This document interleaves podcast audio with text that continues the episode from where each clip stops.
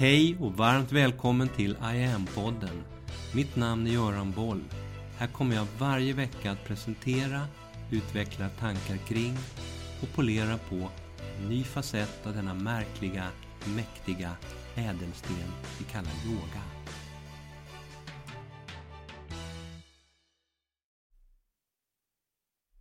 Hej! och Varmt välkommen till I am-podden. I förra veckan inledde jag avsnittet då med att säga att 2024 nu rullar på i ett svindlande tempo. Hur ska det gå? Hur ska det gå? Det där svindlande tempot, det tänkte jag dra lite i och peta lite på en smula i det här avsnittet. Att det går fort och känns som att allt går allt fortare. Det har jag återkommit till i många av de här poddarna. Att verkligheten faktiskt går fortare att allting faktiskt accelererar ända upp på universumnivå. Det är något som forskarna har sett och kunnat mäta. Och att planeten jorden sedan 2015 i strid mot alla vetenskapliga förväntningar snurrar snabbare kring sin egen axel. Det här är ett par exempel på att det här med fortare inte bara är någon slags personlig obalans och stresskänsla i dig och mig som individer det går fortare. Och det här med fortare, det genomsyrar numera alla delar av det moderna livet.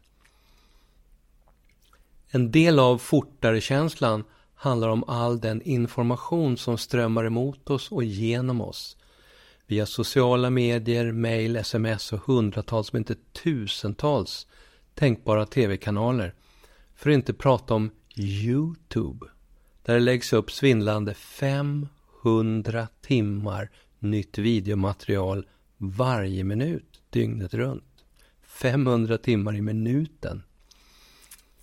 Om man tar allt som läggs upp på nätet och räknar om det till så kallade databitar, bits, eller bytes, så skapas det och läggs ut på nätet 2 till 3 kvintiljoner databits varje dag.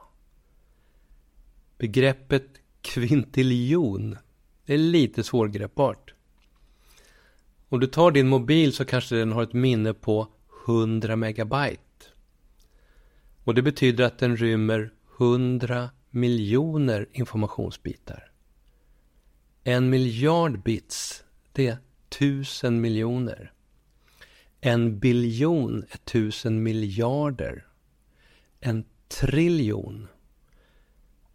Det är en miljon biljoner. Det är en etta med 18 nollor efter.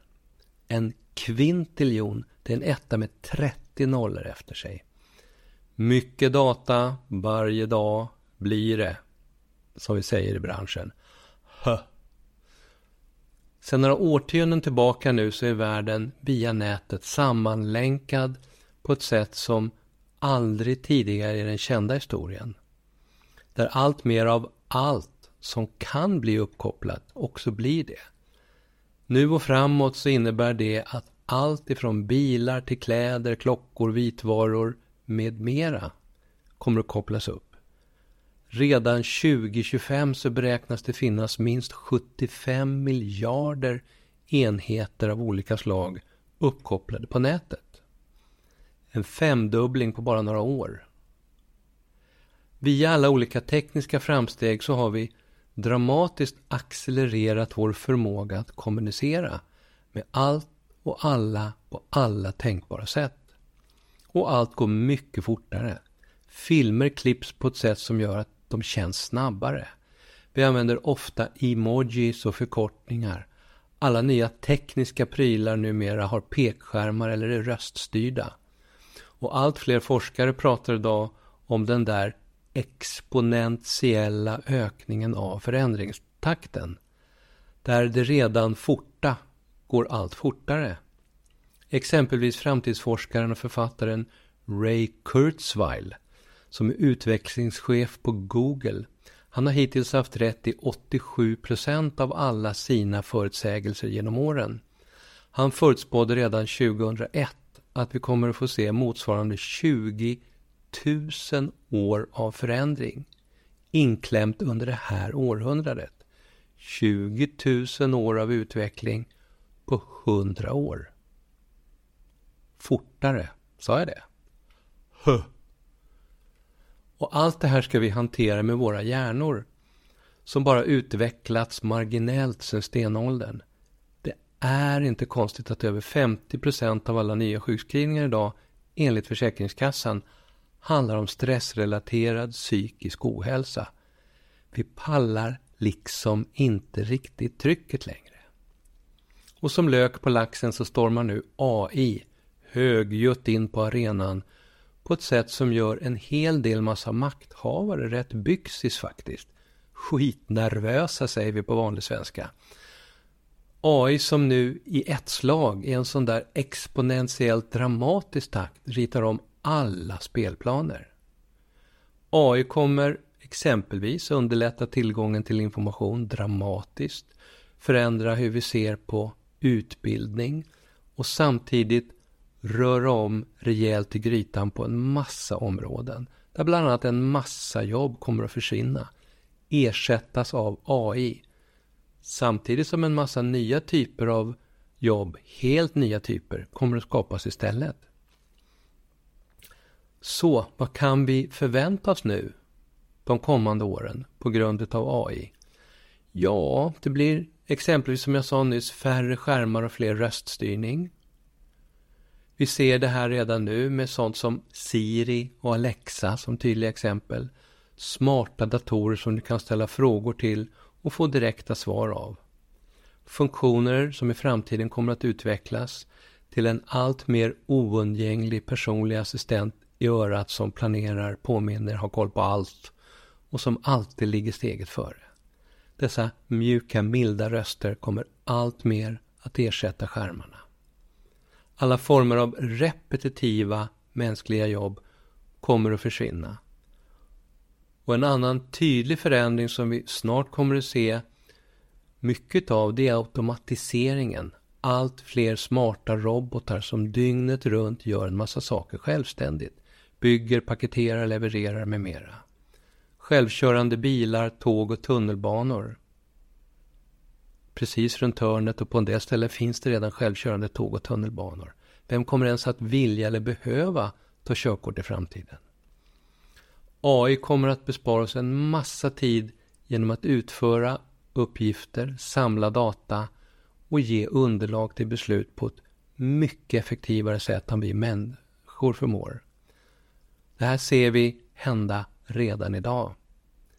Ett stort skifte som vi enligt Kurzweil har framför oss det är att gå från användandet av de här smarta tjänsterna och mjukvarorna till att jobba tillsammans med dem. Och till och med, kanske redan inom 10 15 år, säger Kurzweil, faktiskt också börja injicera supersmarta mikrorobotar in i våra egna kroppar. Direkt in i blodkärlen där de sen håller koll på hälsan 24-7. AI kommer att accelerera allt. Den kommer att ha samma påverkan på den digitala revolutionen som elektriciteten hade under den industriella revolutionen. Och våra roller som människor kommer, enligt Kurzweil och många andra, gå ifrån mycket av det som idag tar vår tid till att istället leva i en värld som kommer se väldigt annorlunda ut. Där sociala system, infrastrukturer med mera kommer förändras i grunden. fortgår det. Bokstavligt talat en helt ny värld. 20 000 år på 100 år. Kognitivt förstår vi ungefär vad jag säger. Men att ta in det fullt ut, det är snudd på omöjligt. 20 000 år på 100 år. Och även när det gäller kreativt arbete så kommer AI att ta en tydlig plats. Vi ser det här ske redan idag. AI-genererade texter, detaljerat bildskapande som redan har vunnit priser i olika tävlingar. Jag har själv lekt med att skapa AI-bilder som illustrationer i mitt utbildnings och kursmaterial. Jätteenkelt. Att designa nya produkter, nya teknologier, helt ny mjukvara, utveckla nya videospel med ytterst fördjupade interaktiva upplevelser. Översätta och anpassa innehåll för olika språk och kulturer med mera, med mera. AI kommer djupt integrerat att finnas med även här. Big time. Det vi övergripande kan se, det är att oavsett att det här i förlängningen kommer skapa fler nya jobb, så står vi inför ett årtionde eller kanske två av dramatiska globala omvälvningar. Ett skifte som kommer att skapa oerhört djup stress hos väldigt många. Våren 2023 så presenterade en artikel i Dagens Industri internationella siffror där investmentbanken Goldman Sachs drog slutsatsen att AI redan i närtid kan komma att påverka så mycket som 300 miljoner heltidstjänster globalt. Vilket motsvarar ungefär 90 procent av hela USAs befolkning. World Economic Forum hade i samma artikel lite andra beräkningar. De förutspådde ungefär 85 miljoner arbetstillfällen, vilket motsvarar hela Tysklands befolkning. Att det kommer att sållas bort på grund av AI, olika automatiseringar. Samtidigt som man säger att den nya tekniken relativt snabbt kommer att skapa närmare 100 miljoner helt nya jobb. Det man såg och det som varnades för i den där artikeltexten i Dagens Industri det var att effekterna kommer att kunna bli väldigt ojämnt fördelade. Till fördel för vissa och samtidigt till klar nackdel för andra som förlorar sina jobb och samtidigt får svårt att skola om sig enligt arbetsmarknadens helt nya behov. Konsultjätten PWC kom 2018 fram till att så många som 44 procent av den lågutbildade arbetskraften globalt riskerar att förlora sina arbeten de kommande tio åren fram till mitten av 2030-talet. Dramatiska förändringar. Det nya framöver i den här utvecklingen det är att också välutbildades arbeten relativt snart kan komma att utmanas av den nya tekniken. Där yrken som revisorer, administratörer, jurister, journalister och andra riskerar att också deras arbeten tas över av AI. Hmm, låter ju sådär lagom muntert, yogasnubben. Och vad kommer yogan in i allt det här nya då? Har vi någon nytta av den alls? Mm. Viktig, väldigt relevant fråga. Vad har yoga för plats i allt det här nya? Det där nya som inte bara Kurzweil pratar om, även om just han har varit väldigt pricksäker i många förutsägelser. Vart kommer yogan in i allt det här? Jag ledde i början av året nu en yogahelg uppe i Dala-Floda hos Lena Westin i Yoga i hagen. Temat för de två dagarna var medvetenhet. Där vi bland annat pratade om just det här, om framtiden och all den ökande stress som vi alla förstår kommer att komma med på köpet. Och vi pratade också om AI. Vi skojade lite kring begreppet AI-yoga. Och en av deltagarna kom väldigt kreativt med förslaget att AI i det sammanhanget betyder och står för autentisk intelligens istället för artificiell intelligens. Autentisk intelligens. Att yoga vid sidan av allt annat balanserande, stabiliserande, medvetandehöjande och hälsobringande som yoga representerar, att den också står för autentisk intelligens. AI-yoga. Yoga för djupare autentisk intelligens i oss som människor. Så enkelt kan det falla på plats.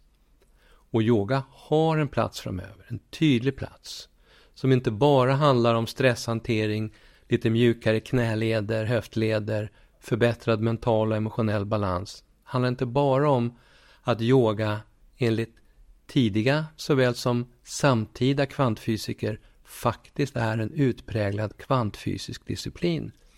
Eller en klassisk medvetandehöjande disciplin i enlighet med alla de olika mångtusenåriga yogiska källskrifterna. Yoga är också en metod för att lyfta, stärka, manifestera och tydliggöra den djupare autentiska intelligensen i dig som människa. En rätt viktig pusselbit, som vi säger i branschen.